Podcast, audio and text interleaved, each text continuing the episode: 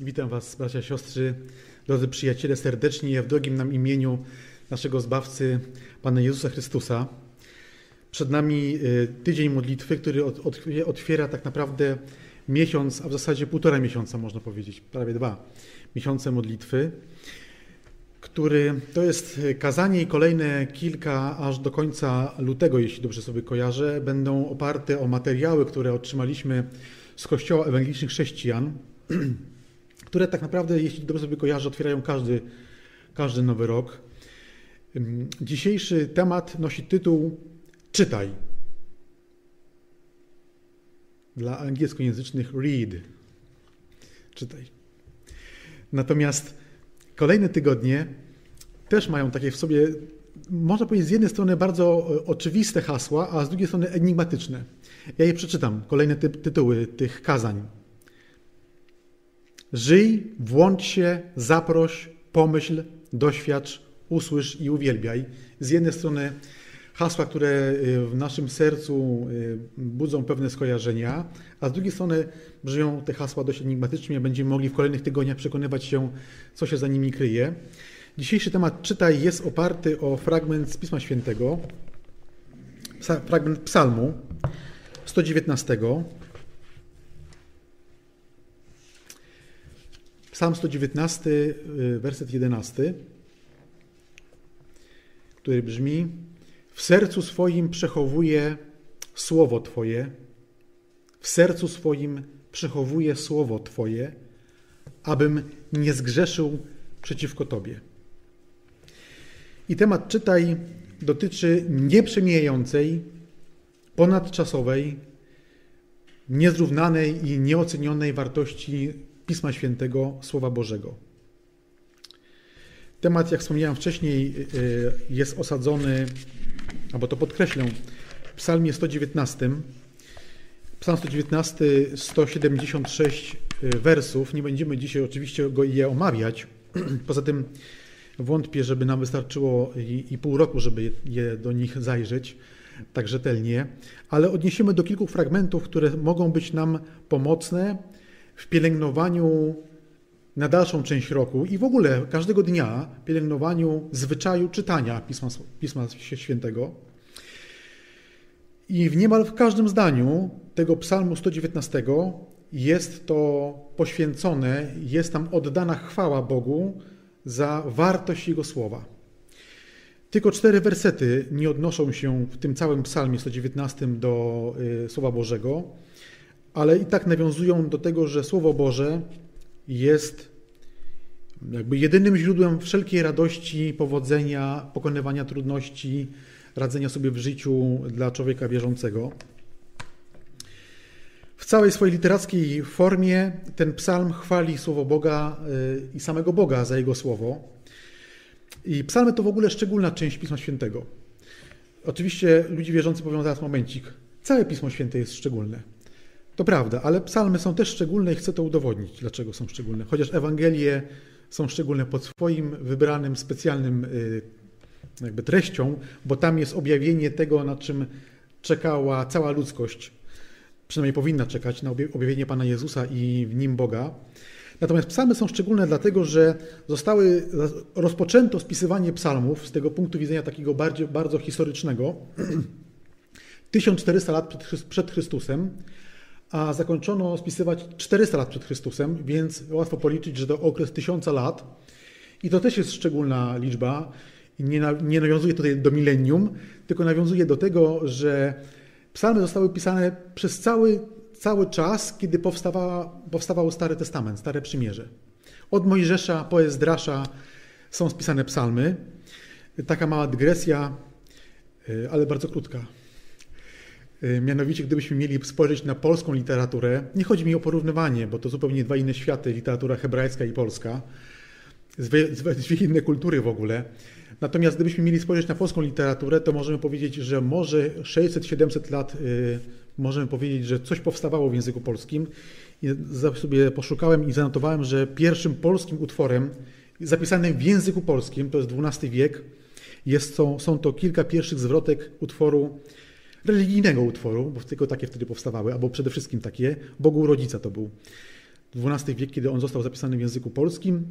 I jak patrzymy na nasz język polski, jak się zmieniał w ciągu y, tych, załóżmy, 500 lat, bo wtedy już tak te tworzono więcej w języku polskim, to widzimy pewne zmiany w słowie y, pisanym, w wyrażaniu się.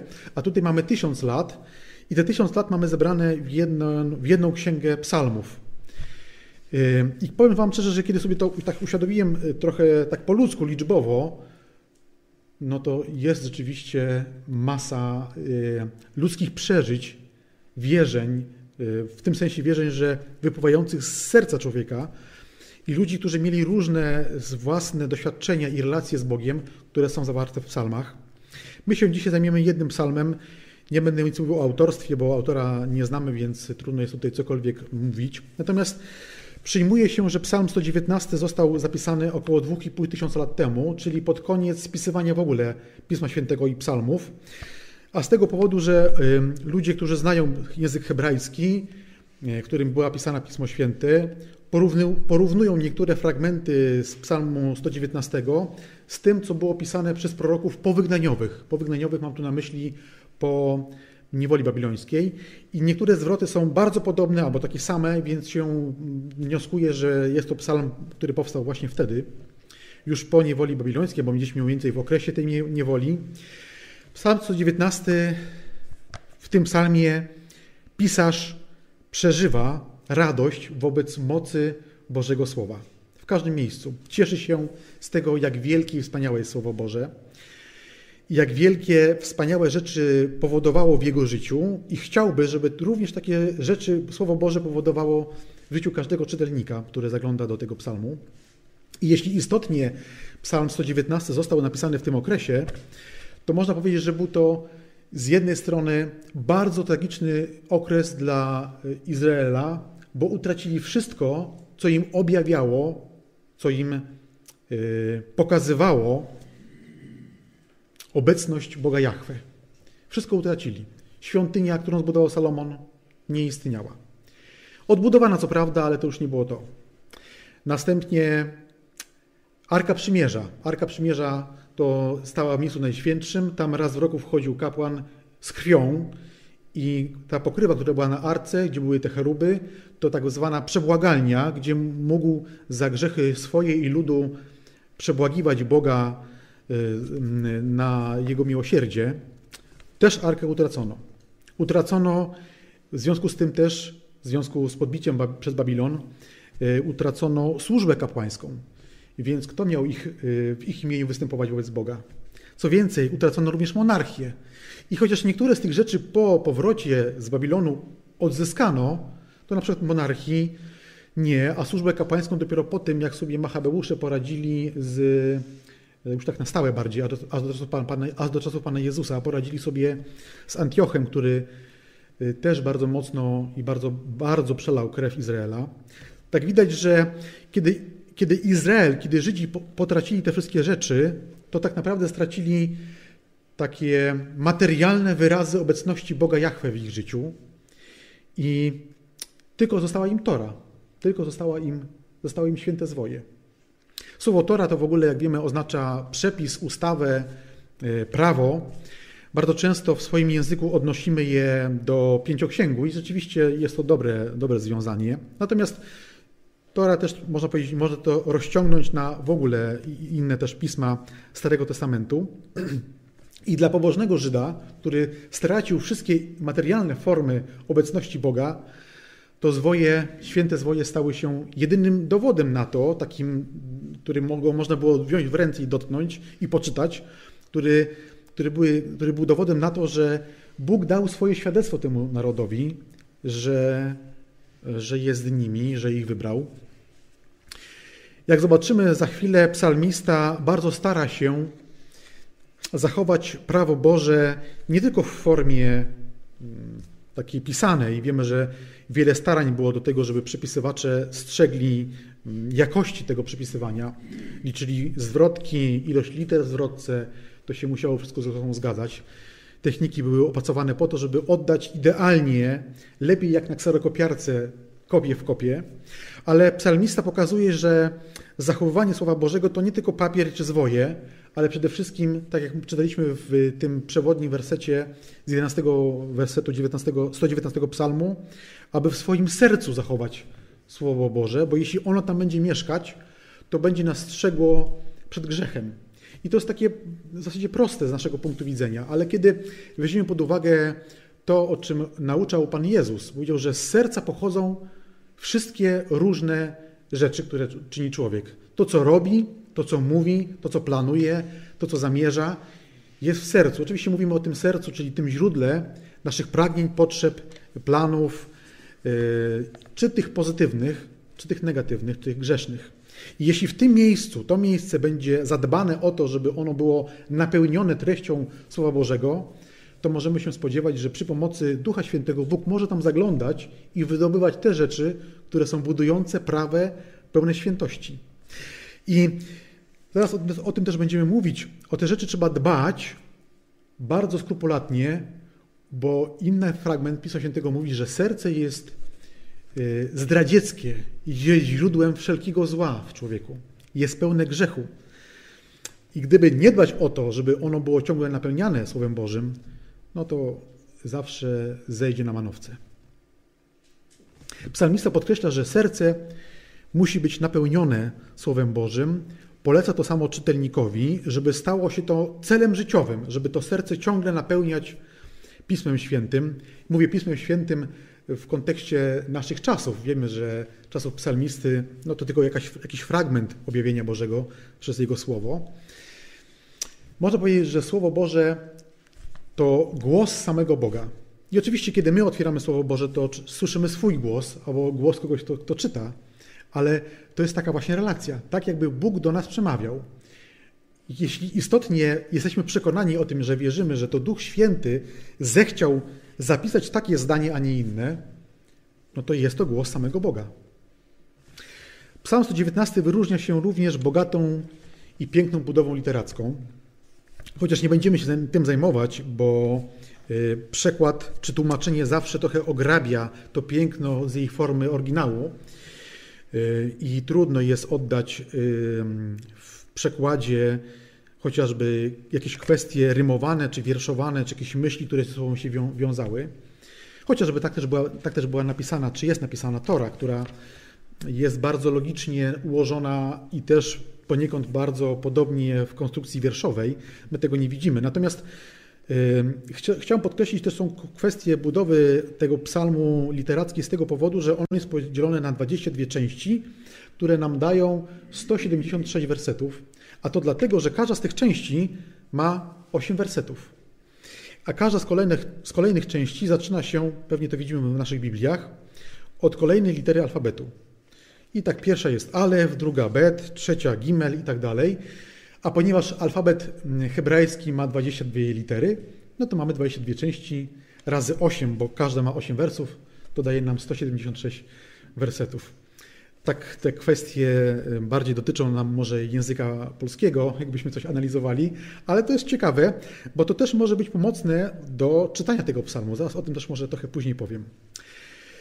Na przykład mm, y, y, komentatorzy Pisma Świętego nazywają ten psalm złotym alfabetem, właśnie z tego powodu.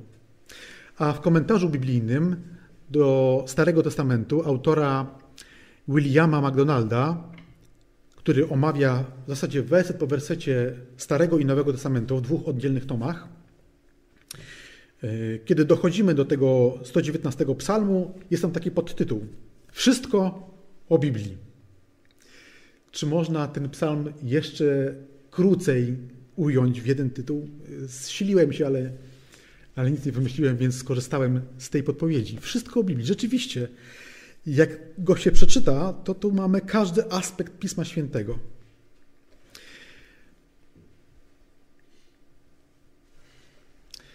I drodzy, Przeszliśmy kilka fragmentów może z tego psalmu, żeby pokazać, jak to mm, psalmista ujmuje, stara się pokazać i pokazuje w zasadzie, jakie uczucia żywi do Słowa Bożego.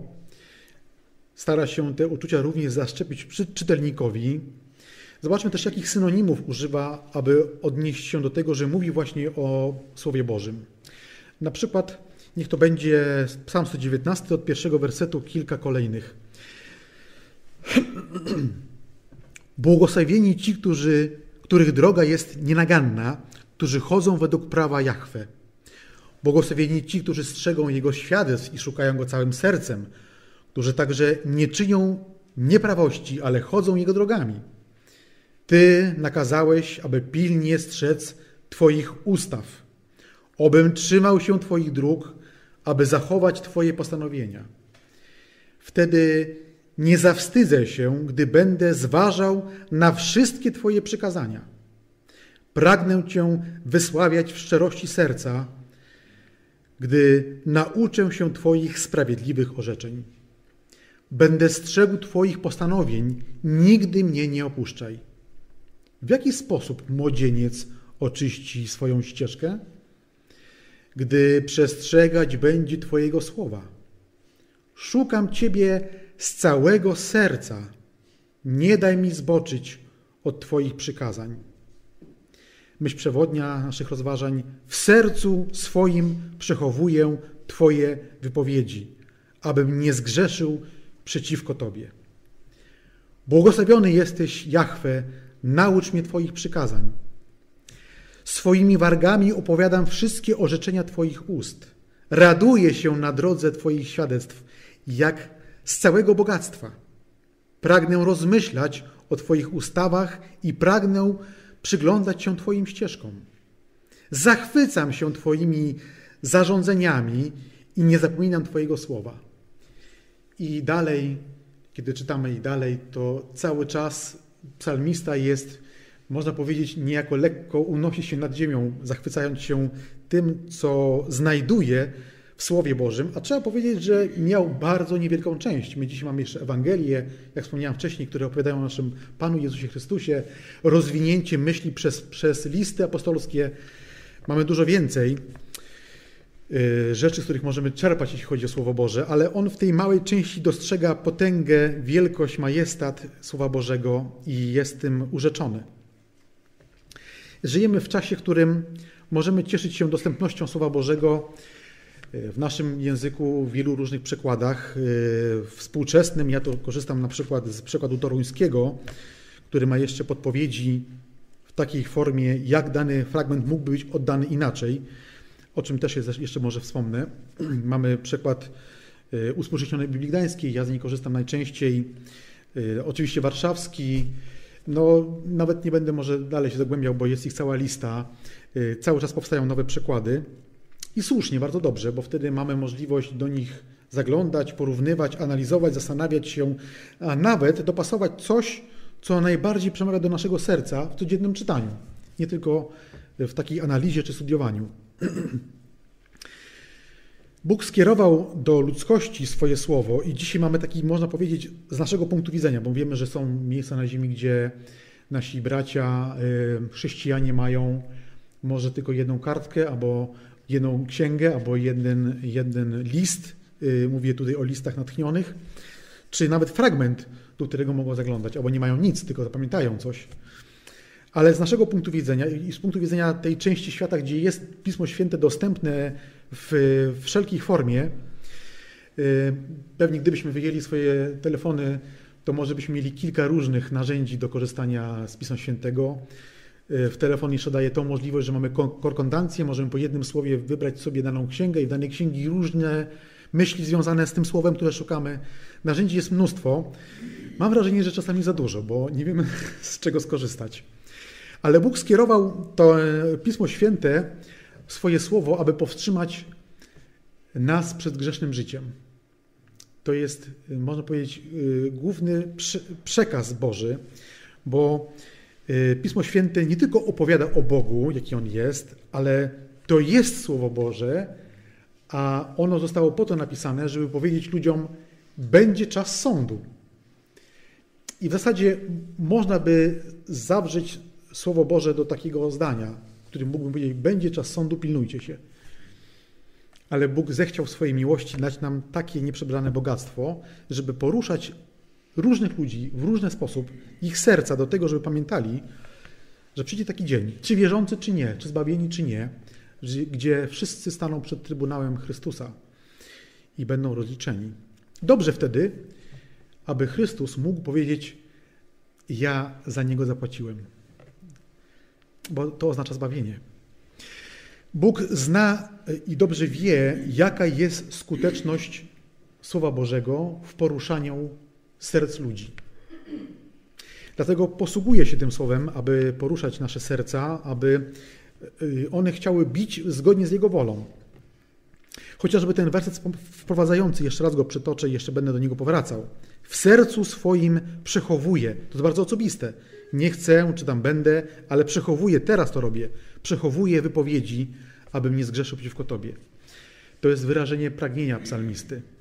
Czego jednak może się nauczyć y, człowiek w XXI wieku, który, mm, można powiedzieć, w jakimś sensie gdzieś, gdzieś zatraciliśmy chyba też autorytet y, do Słowa Bożego i to jest praca całych pokoleń, bo y, grupa, o której wspomnę, to może nauczyciele, władcy, mam na myśli polityków, czy na przykład lekarze, prawnicy, to jeszcze kilkadziesiąt lat temu te grupy, y, o których wymieniłem, może jeszcze inne, miały w umysłach ludzkich swoje miejsce. To byli ludzie, którzy mieli jakiś autorytet i nawet jeśli kogoś się nie lubiło, a miał y, y, na przykład autorytet nauczyciela, no to się go słuchało właśnie z tego powodu, że była tam jakaś, jakaś wartość. Nie chcę przez to powiedzieć, że dzisiaj to wszyscy nauczyciele nie mają wartości, ale gdzie zatraciliśmy autorytet? I oczywiście można powiedzieć, że te grupy są poniekąd same sobie winne, natomiast, no łatwo się tak usprawiedliwiać, tak? To, to z ich powodu, ale gdzieś ten brak szacunku do autorytetu w ogóle, no bo czy Bóg przyczynił się do braku autorytetu wobec siebie samego? A jakże często ludzie sobie robią żarty. Jak to zrozumieć, żeby móc żartować z wielkiego Boga? Ktoś mógł powiedzieć, no dobrze, ale on może on jest niewierzący. Może tak. Ale Pismo Święte dopatruje się tutaj y, zgubnej, zgubnej pracy grzechu, który ograbia nas z autorytetu, który powinien być wobec Bożego Słowa, wobec y, Bożych wypowiedzi. I więc jedna rzecz, którą mógłby się nauczyć człowiek w XXI wieku, to szacunek. Szacunek do Słowa Bożego. W przeszłości był on aż tak daleko posunięty, że przed przypisywaniem, przed czytaniem obmywano całe ciało, żeby dotknąć się Słowa Bożego. E, specjalne zabiegi były z tym związane. I oczywiście możemy mówić, że to przesada. Być może tak było, ale z drugiej strony to też pokazywało, jeśli oczywiście to było, tak, tak to wyglądało, mogło pokazać, co było w sercu tego człowieka, kiedy sięgał po Słowo Boże i na nabożeństwach nieraz ludzie wstawali, jak było czytane, bo wiedzieli, że słowa Boga trzeba przyjmować z, pewnym, z pewną postawą również ciała, nie tylko serca. Gorzej jest, kiedy zachowujemy tylko postawę, a w sercu, y, w sercu nie ma tej postawy. Psalmista chciałby również nas y, powiedzieć nam o tym, żeby, żeby zachowywać Słowo Boże, to to nam da wyposażenie, aby zachować się od grzechu, o czym mamy w tym jedenastym wersecie mowy, mowę, ale jest to jedno z narzędzi, jakby jedno z, z narzędzi, którą nam Bóg daje do ręki, żebyśmy mogli zachowywać w sercu Słowo Boże i siebie przed grzechem. Innym narzędziem jest modlitwa i Duch Święty. Dlatego, że wielu ludzi analizuje chociażby Pismo Święte właśnie pod względem literackim. Znają się na językach y, archaicznych, tak?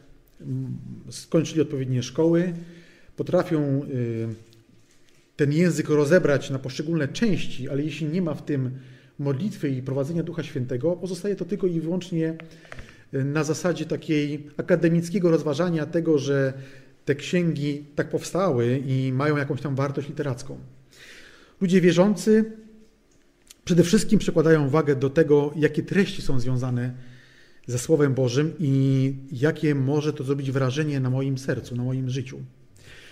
Zatem Słowo Boże powinno ludzi żyjących w XXI wieku spowodować, żeby zatrzymali się, bo mamy każdego dnia, może najmniej w niedzielę, chociaż pewnie nie wszyscy, mamy każdego dnia mnóstwo zajęć i gdzieś ciągle biegniemy i gdzieś w tych zajęciach może być nawet zapisane czytaj Słowo Boże i się módl. No i tam, załóżmy, nie wiem, mamy 15, 20, pół godziny, 3 godziny przeznaczoną.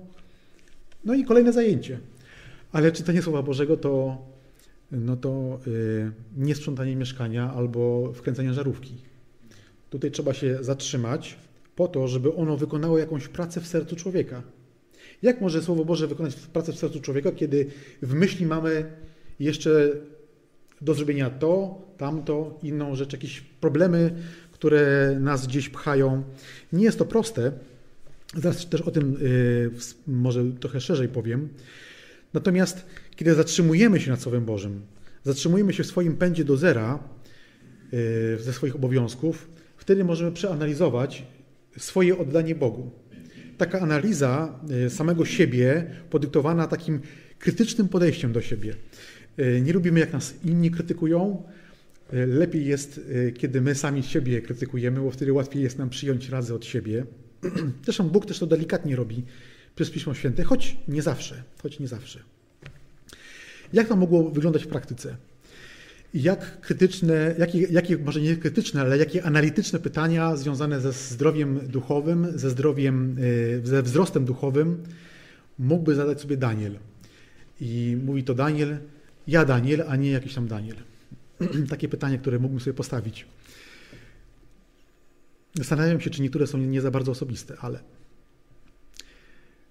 co tak naprawdę jest najważniejszym wskaźnikiem mojego wzrostu i zdrowia duchowego? Czy zastanawiam się y, nad tym wzrostem? Czy wzrastam w miłości do Boga, Ojca, Syna i Ducha Świętego? Czy miłuję ludzi Kościoła? Czy miłuję również bliźnich? Chyba to jest najtrudniejsze, a nawet na pewno, bo ludzie nie chcą się dawać kochać. Jak przejawia się ta miłość w moim codziennym życiu? Jakie są dowody czy uczynki mojej szczerej, żywej wiary? Jak podtrzymuję gorliwy ogień dla, w swoim sercu dla Pana Jezusa?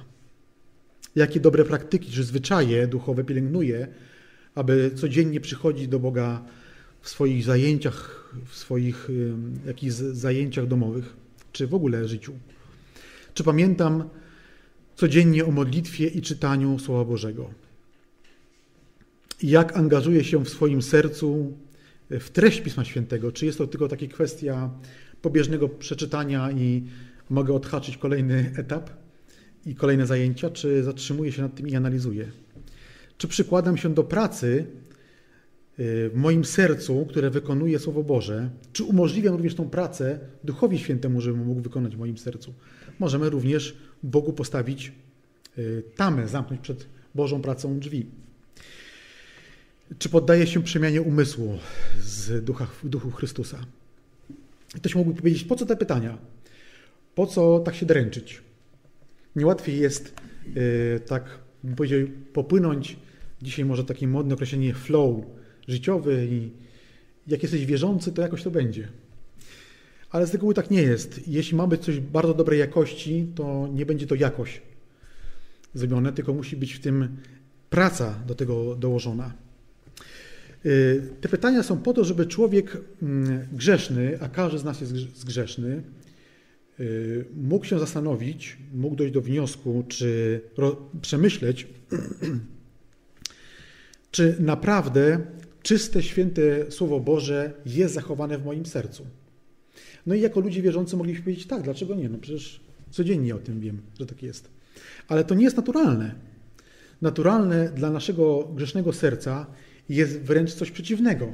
Dlatego zadanie sobie takich pytań czy innych, które mają wysądować, czy w moim sercu zachowuje cały czas miejsce, naczelne miejsce na Słowo Boże, jest jak najbardziej właściwe, bo jak wspomniałem wcześniej, Serce jest zdradliwe niż wszystko inne, jak powiedział y, przypowieści, jak mówią przypowieści.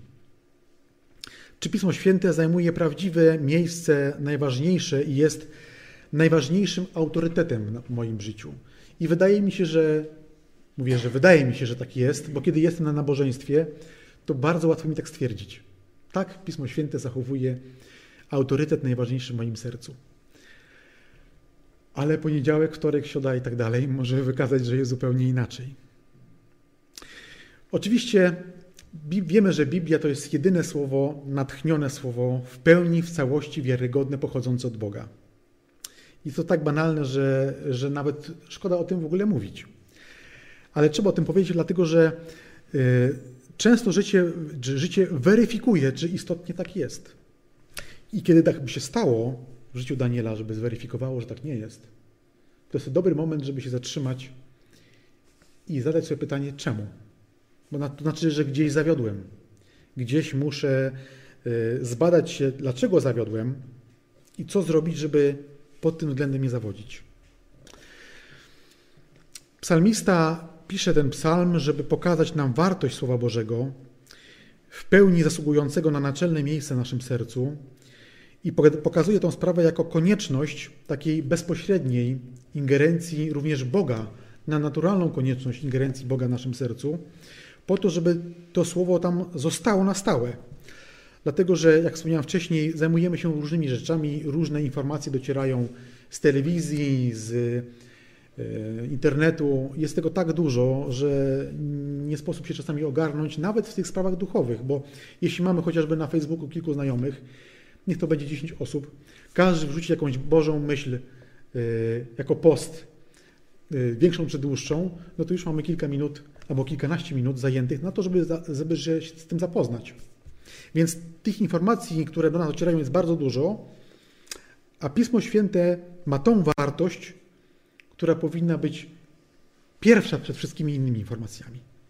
Dlatego mówię o tym, i o tym też mówi psalmista, że niezbędna jest ponadnaturalna ingerencja Boga w naszych sercach, żeby Słowo Boże miało tam swoje miejsce.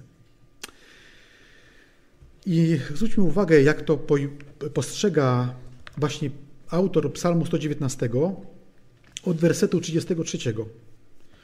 To będzie tych osiem wersetów.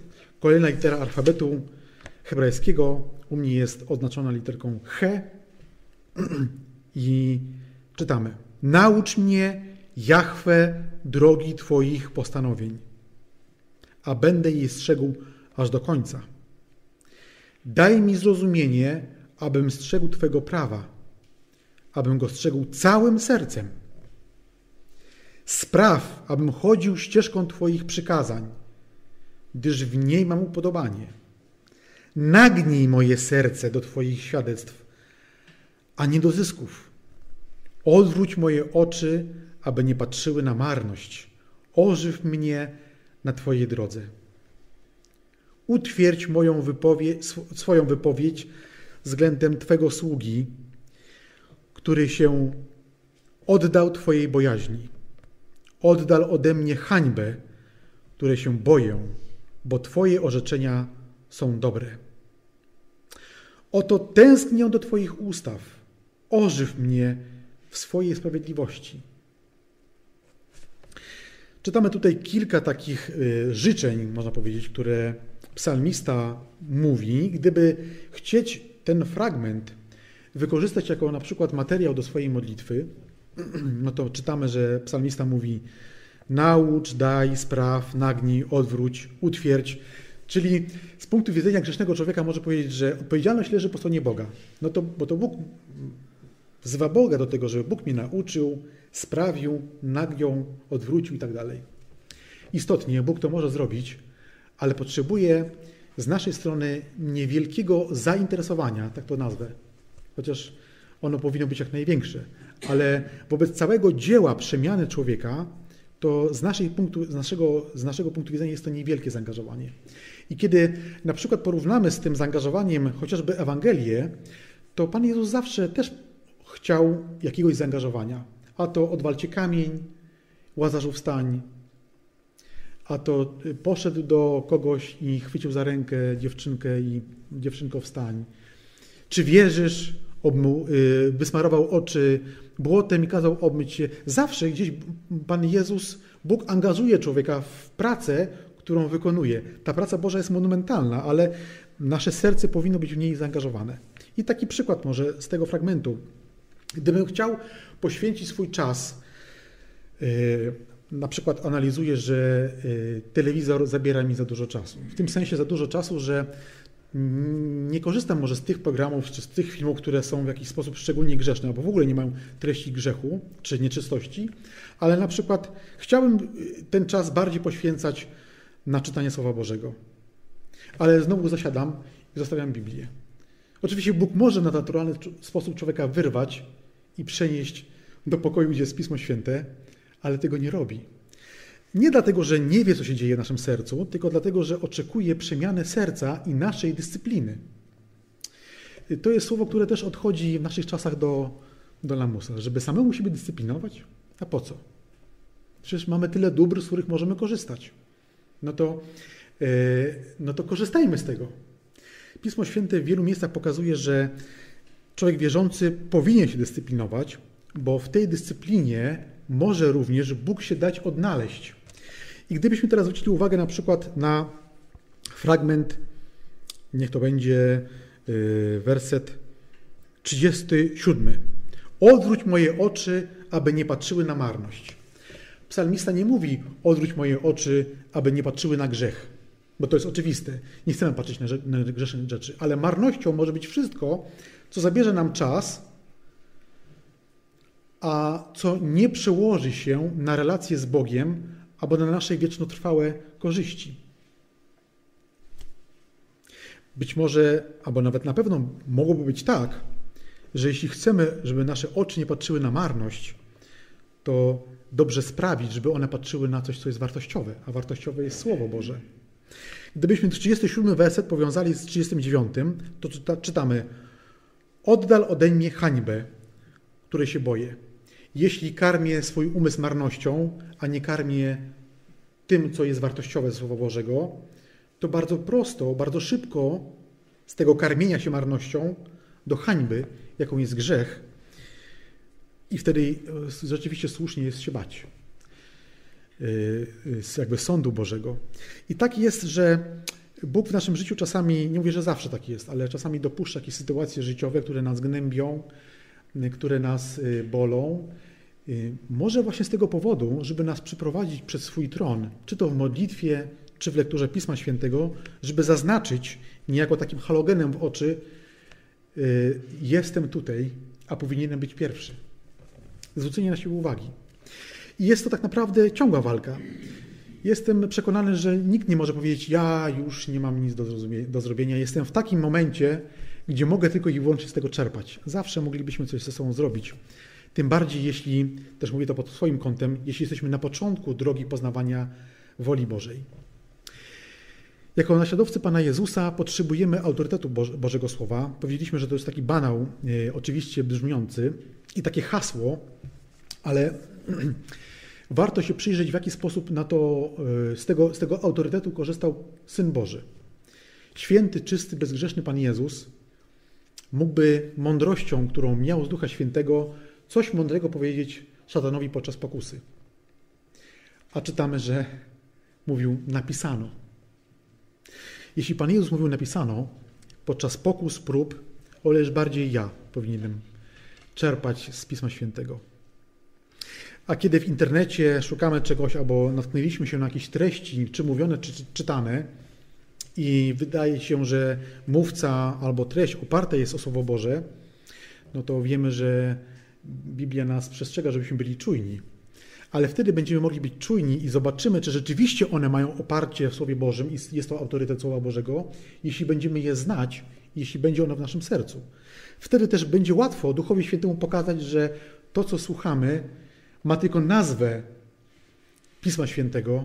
Ktoś się tylko powołuje na jakieś fragmenty, ale w ogóle, w ogóle się do tego nie odnosi albo zwodzi słuchaczy.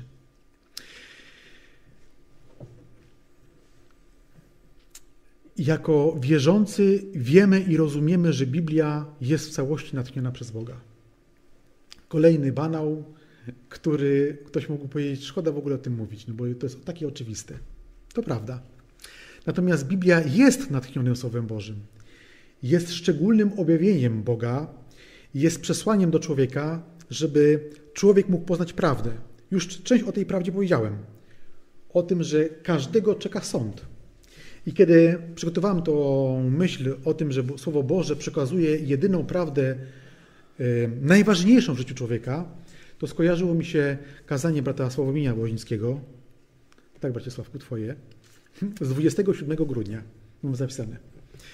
Y, odsyłam do tego kazania, nosi ono tytuł Co to jest prawda? Istotnie, y, nie będę się do tego odnosił, bo możemy to sobie odszukać na YouTubie i sobie przesłuchać, ale istotnie prawda ze Słowa Bożego przenosi człowieka do rzeczywistości, z tej rzeczywistości, w której jesteśmy, gdzie musimy zadbać o swoje utrzymanie, opłatę światła, ubranie, tam inne rzeczy. No i teraz jeszcze zdrowie, wirusy szalejące, jak tu się zachować, jaką decyzję podjąć, ale przenosi nas z tej rzeczywistości do rzeczywistości wiecznej. To jest nieoceniona wartość Słowa Bożego. Poza tym Teraz mm, chciałbym jeszcze zwrócić uwagę na inną rzecz, która nawiązuje do tych prawd Bożych. W oparciu o ten fragment z y, Księgi Psalmów, 119 Psalmu, wersety od 89.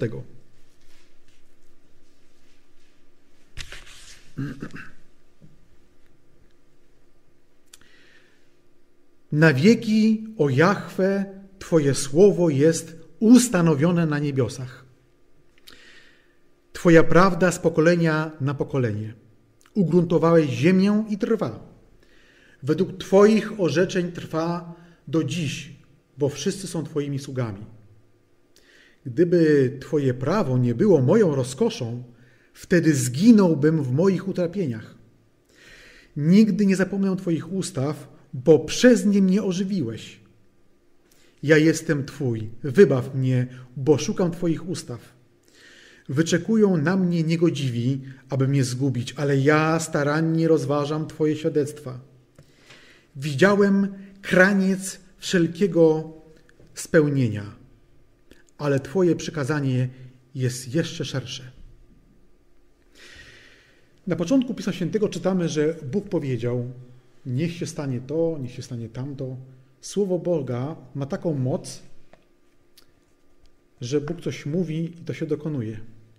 Swoim słowem stworzył zastępy aniołów, swoim stworzym, słowem stworzył cały wszechświat i ludzkość bada go cały czas i w zasadzie jest to praca y, na badanie tego materialnego wszechświata nieskończona, można powiedzieć. Boże Słowo ma taką moc, że Bóg je mówi i coś się staje. Zobaczmy na dwa fragmenty z tego e, e, dłuższego fragmentu, które czytaliśmy. Gdy, to jest 92 drugi e, werset. Gdy Twoje prawo, gdyby Twoje prawo nie było moją rozkoszą, wtedy zginąłbym w moim utrapieniu. W 93 Nigdy nie zapomnę Twoich ustaw, bo przez nie mnie ożywiłeś. I na końcu 96 Widziałem koniec wszelkiej doskonałości, ale Twoje przykazanie jest bardzo szerokie. Inna wersja tego fragmentu to widziałem kraniec wszelkiego spełnienia, ale Twoje słowo jest jeszcze szersze. Oba wersje, jeszcze może w Waszych przekładach jest jeszcze inna wersja y, tego, tego fragmentu. To pokazuje, że Słowo Boże nie tylko stwarza, nie tylko czyni, Bóg czyni swoim słowem to, co zechce, ale te fragmenty bardzo mi się kojarzą y, z Nowym Testamentem, z Nowym Przymierzem. Drugi Tymoteusza 3, 16, 17 możemy z pamięci niemal powiedzieć. Ja mam napisane, więc zerknę. Całe Pismo przez Boga jest natchnione i pożyteczne do nauki, do wykrywania błędów, czyli analizy samego siebie, do poprawy, czyli wiem, gdzie jest błąd, poprawiam go, do wychowywania w sprawiedliwości, aby człowiek Boży był doskonały, do wszelkiego dobrego dzieła przygotowany. I to przygotowanie nasze będzie trwało aż do objawienia się i przyjścia Pana Jezusa. I to dobrze jest, dlatego że mamy taką tendencję, że jeśli coś już jest zrobione, spełnione, to możemy sobie to zupełnie odpuścić. W naszym rozwoju duchowym nie ma takiego miejsca, które możemy mogli sobie odpuścić, bo odpuszczenie się, odpuszczenie sobie w tym stanie spowoduje, że nasze grzeszne serce będzie wykonywało antypracę tego, co do tej pory nam się udało zrobić. W, tym, w tej kwestii, w kwestii zmagania nas na, w samych sobie grzechem, naszego grzechu ze Słowem Bożym, nie ma momentu, gdzie możemy powiedzieć, jest stała. To jest stała wartość. Jedno i drugie zostało jakoś tam pogodzone. Tutaj nie ma zgody. Albo pracujemy nad sobą i przybliżamy się do Boga, albo nie pracujemy i wtedy oddalamy się. Jeśli istotnie uważam, że Biblia w całości jest natchniona przez Boga, to pewnym jest, że w szczególności i indywidualnie jest natchniona dla mnie. Bóg chce mu powiedzieć coś mi. Oczywiście często mówimy, że mówi do nas, do ludzkości, ale kiedy ją otwieram i traktuję ją jako list do mnie osobiście, wtedy może nabrać zupełnie innego, innej wartości dla mojego życia. Jak poważnie traktuję Biblię? Jak cenne dla mnie jest Słowo Boże?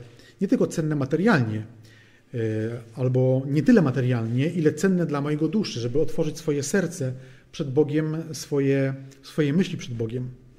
Posłuchajmy kilku psalmów, już teraz nie w takich kolumnach, które tutaj są y, napisane, te poszczególne partie myśli, ale kilku wybranych psalmów z tego 119, które łączą się ze sobą w myślach, w taką jedną myśl. Na przykład 14 werset. Raduję się na drodze Twoich świadectw, jak z całego bogactwa. 72 werset. Lepszy jest dla mnie prawo Twoich ust niż tysiące sztuk złota i srebra. 127 werset. Dlatego umiłowałem Twoje przykazania bardziej niż złota, bardziej od najszczerszego złota. I 131 fragment, wers. Otwieram szeroko usta swoje i wzdycham bo tęsknię za Twoimi przykazaniami. Gdybyśmy chcieli rozwinąć tą kwestię materialnego, materialnej wartości Słowa Bożego, nie mówię tutaj tylko o tym, e, w ogóle pominam kwestię, ile warta jest e, papier i książka, który mamy zamknięte Słowo Boże, tylko wartość tego Słowa Bożego, taką e, ponadczasową, to można powiedzieć, że wszystkie bogactwa, nie tylko moje, ale całej ludzkości, która się czegokolwiek dorobiła, nie są tak, war, tak ważne i warte. Kwestia nauki, osiągnięć, y, bo to wszystko jest przemieniające, jak to, co jest zawarte w Słowie Bożym. Zobaczmy na ten 131 fragment. Otwieram szeroko swoje usta i wzdycham. Słowo wzdycham y, w przekładzie, które się posługuję dzisiaj i czytam, ma też dobrym drukiem podpowiedzi innych form językowych danego, danego słowa. I tutaj, tutaj czytam, że to słowo wzdycham oznacza łapczywie nabieranie powietrza, dyszeć, pragnąć, łaknąć. E, jak ktoś się dusił, e, nie wiem, będąc pod wodą na przykład, albo jeszcze inne skojarzenie mi przychodzi do głowy. Jedną z, jeden, jedną z objawów e, modnego dzisiaj wirusa jest to, że niektórzy mają płytki oddech i trudności z oddychaniem.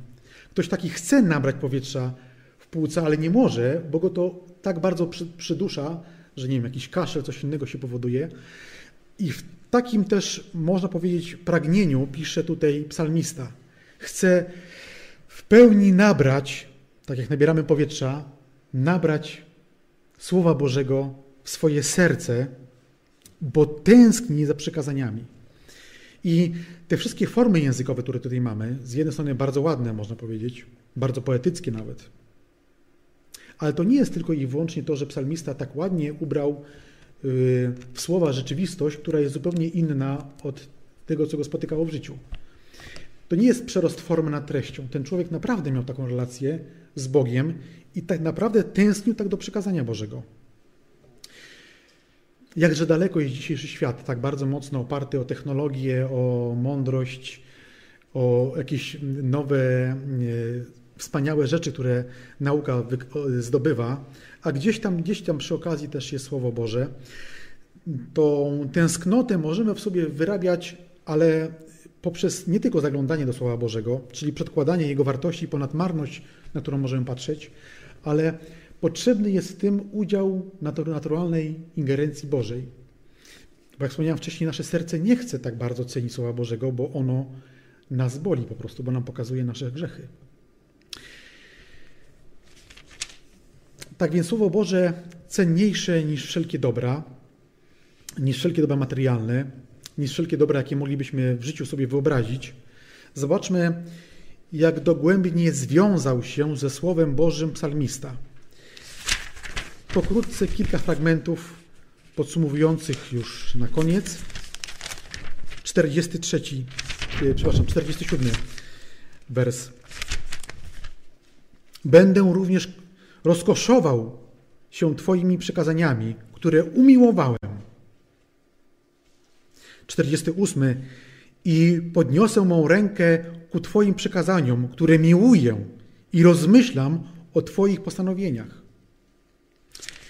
113. Nienawidzę chwiejnych, ale miłuję Twoje prawo. 140. Twoja wypowiedź została w pełni wypróbowana, dlatego Twój sługa ją kocha. 159. Zobacz, że miłuję Twoje ustawy, Jahwe. Ożyw mnie według Twojego miłosierdzia. I 150, 167.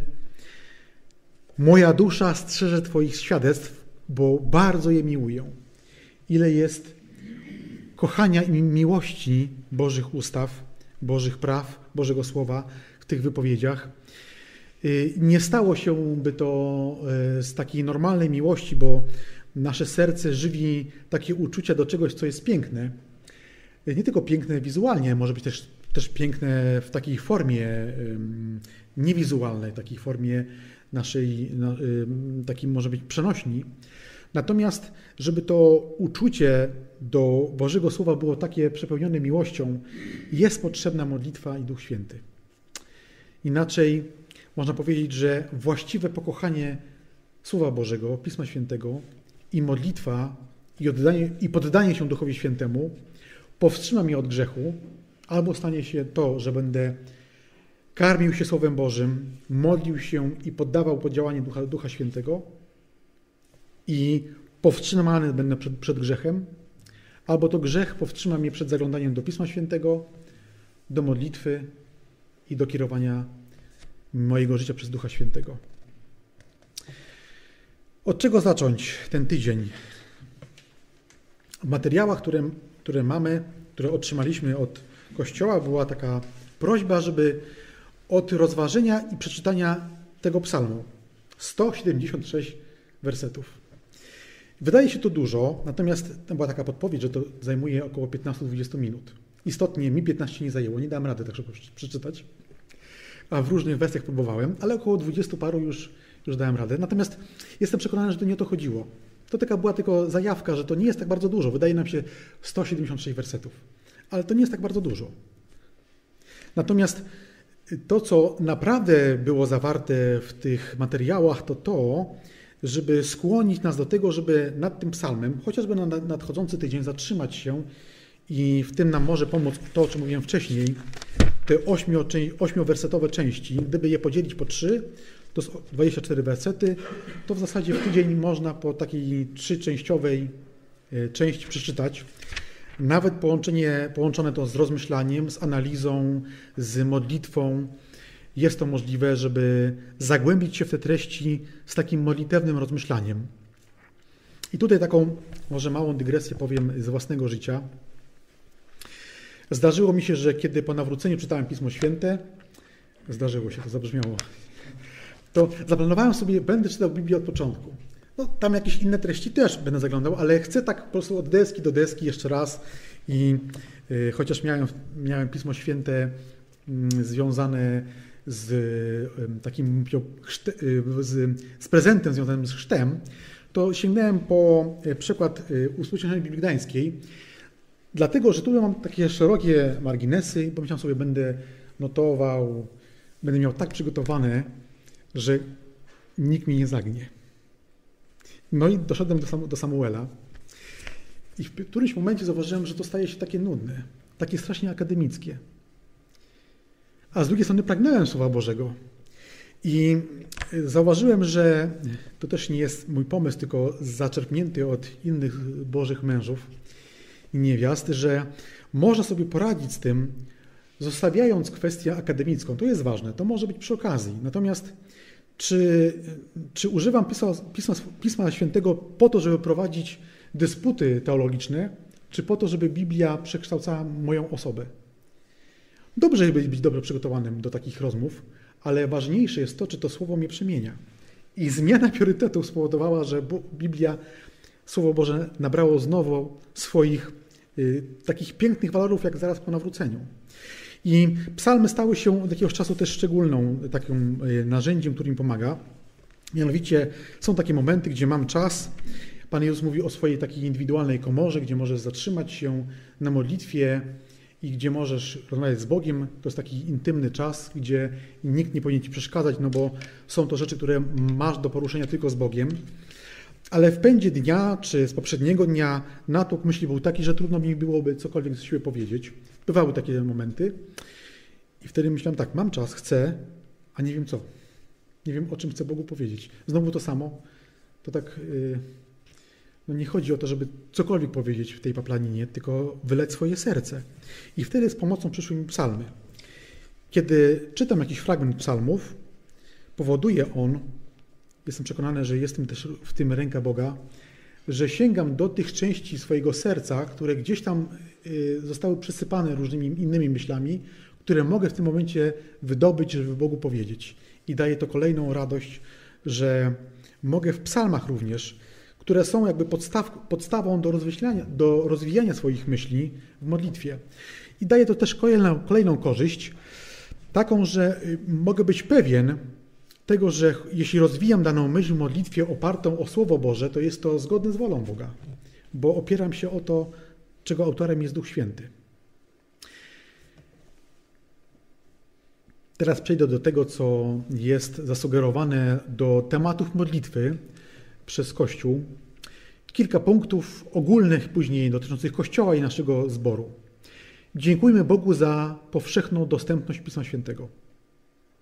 Dlatego będę takimi hasłami to podawał, bo tu jest bardzo duża wypowiedź, ale chodzi głównie o to.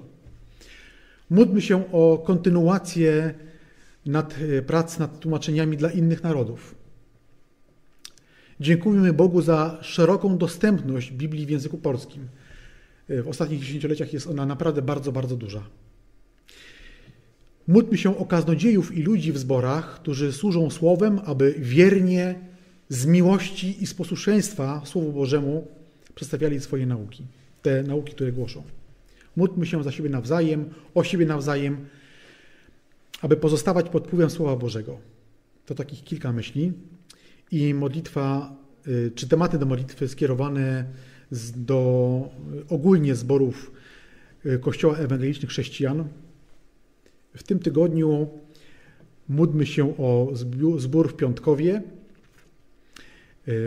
Dla mnie o tyle szczególny, choć byłem tam tylko raz na nabożeństwie, to jest tam brat Szymon Matusiak, mój przyjaciel, który regularnie również podsyła mi różne myśli o poranku. Bardzo za to dziękuję Bogu, że tak się posługuje tym bratem. Y, zbór w Piątkowie, zbór Woda Życia w Łodzi, w, Nowogardzie, w Poznaniu, o Radę Kościoła i prezbitera naczelnego Leona, brata Leona, żeby również ci bracia trwali w wierności, w posłuszeństwie i w miłości do Słowa Bożego. I modlitwy o nas zbór. Nie wiem, czy będzie coś pokazane, czy nie będzie pokazane. To zanim zacznę czytać, to chwilkę, chwilkę poczekam. I proszę dział, dział techniczny, żeby mi dał znać, że, że już. Już, tak? Dobrze. Tematy. Jedność naszego lokalnego zbora, zboru Kościoła by trwało w miłości do Pana Jezusa. Dziękczynienie za zachowanie i rozwój zboru w trudnym roku 2020. Dziękczynienie za przeprowadzenie i przeprowadzanie zborowników w chorobach. Prośba o mądrość i prowadzenie w Duchu Świętym podczas epidemii, a jeszcze przed nami różne być może decyzje z tym związane, osobiste decyzje.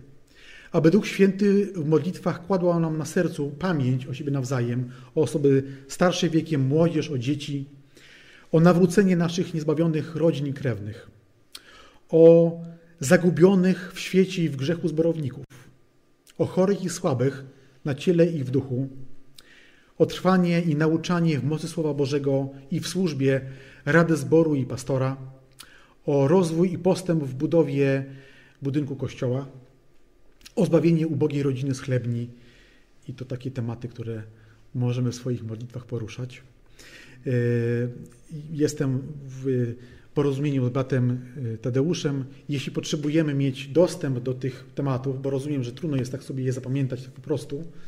Ja też miałem ściągawkę, chociaż parę razy je czytałem, to nie pamiętam ich wszystkich. Natomiast możemy taką ściągawkę mieć na swoim telefonie. Myślę, że SMS czy mail jest tutaj możliwy, żeby e, w swoich modlitwach przez nadchodzący tydzień, miesiąc, dłużej, co nam Bóg położy na serce, o tych rzeczach wspominać i zabiegać o sobie nawzajem.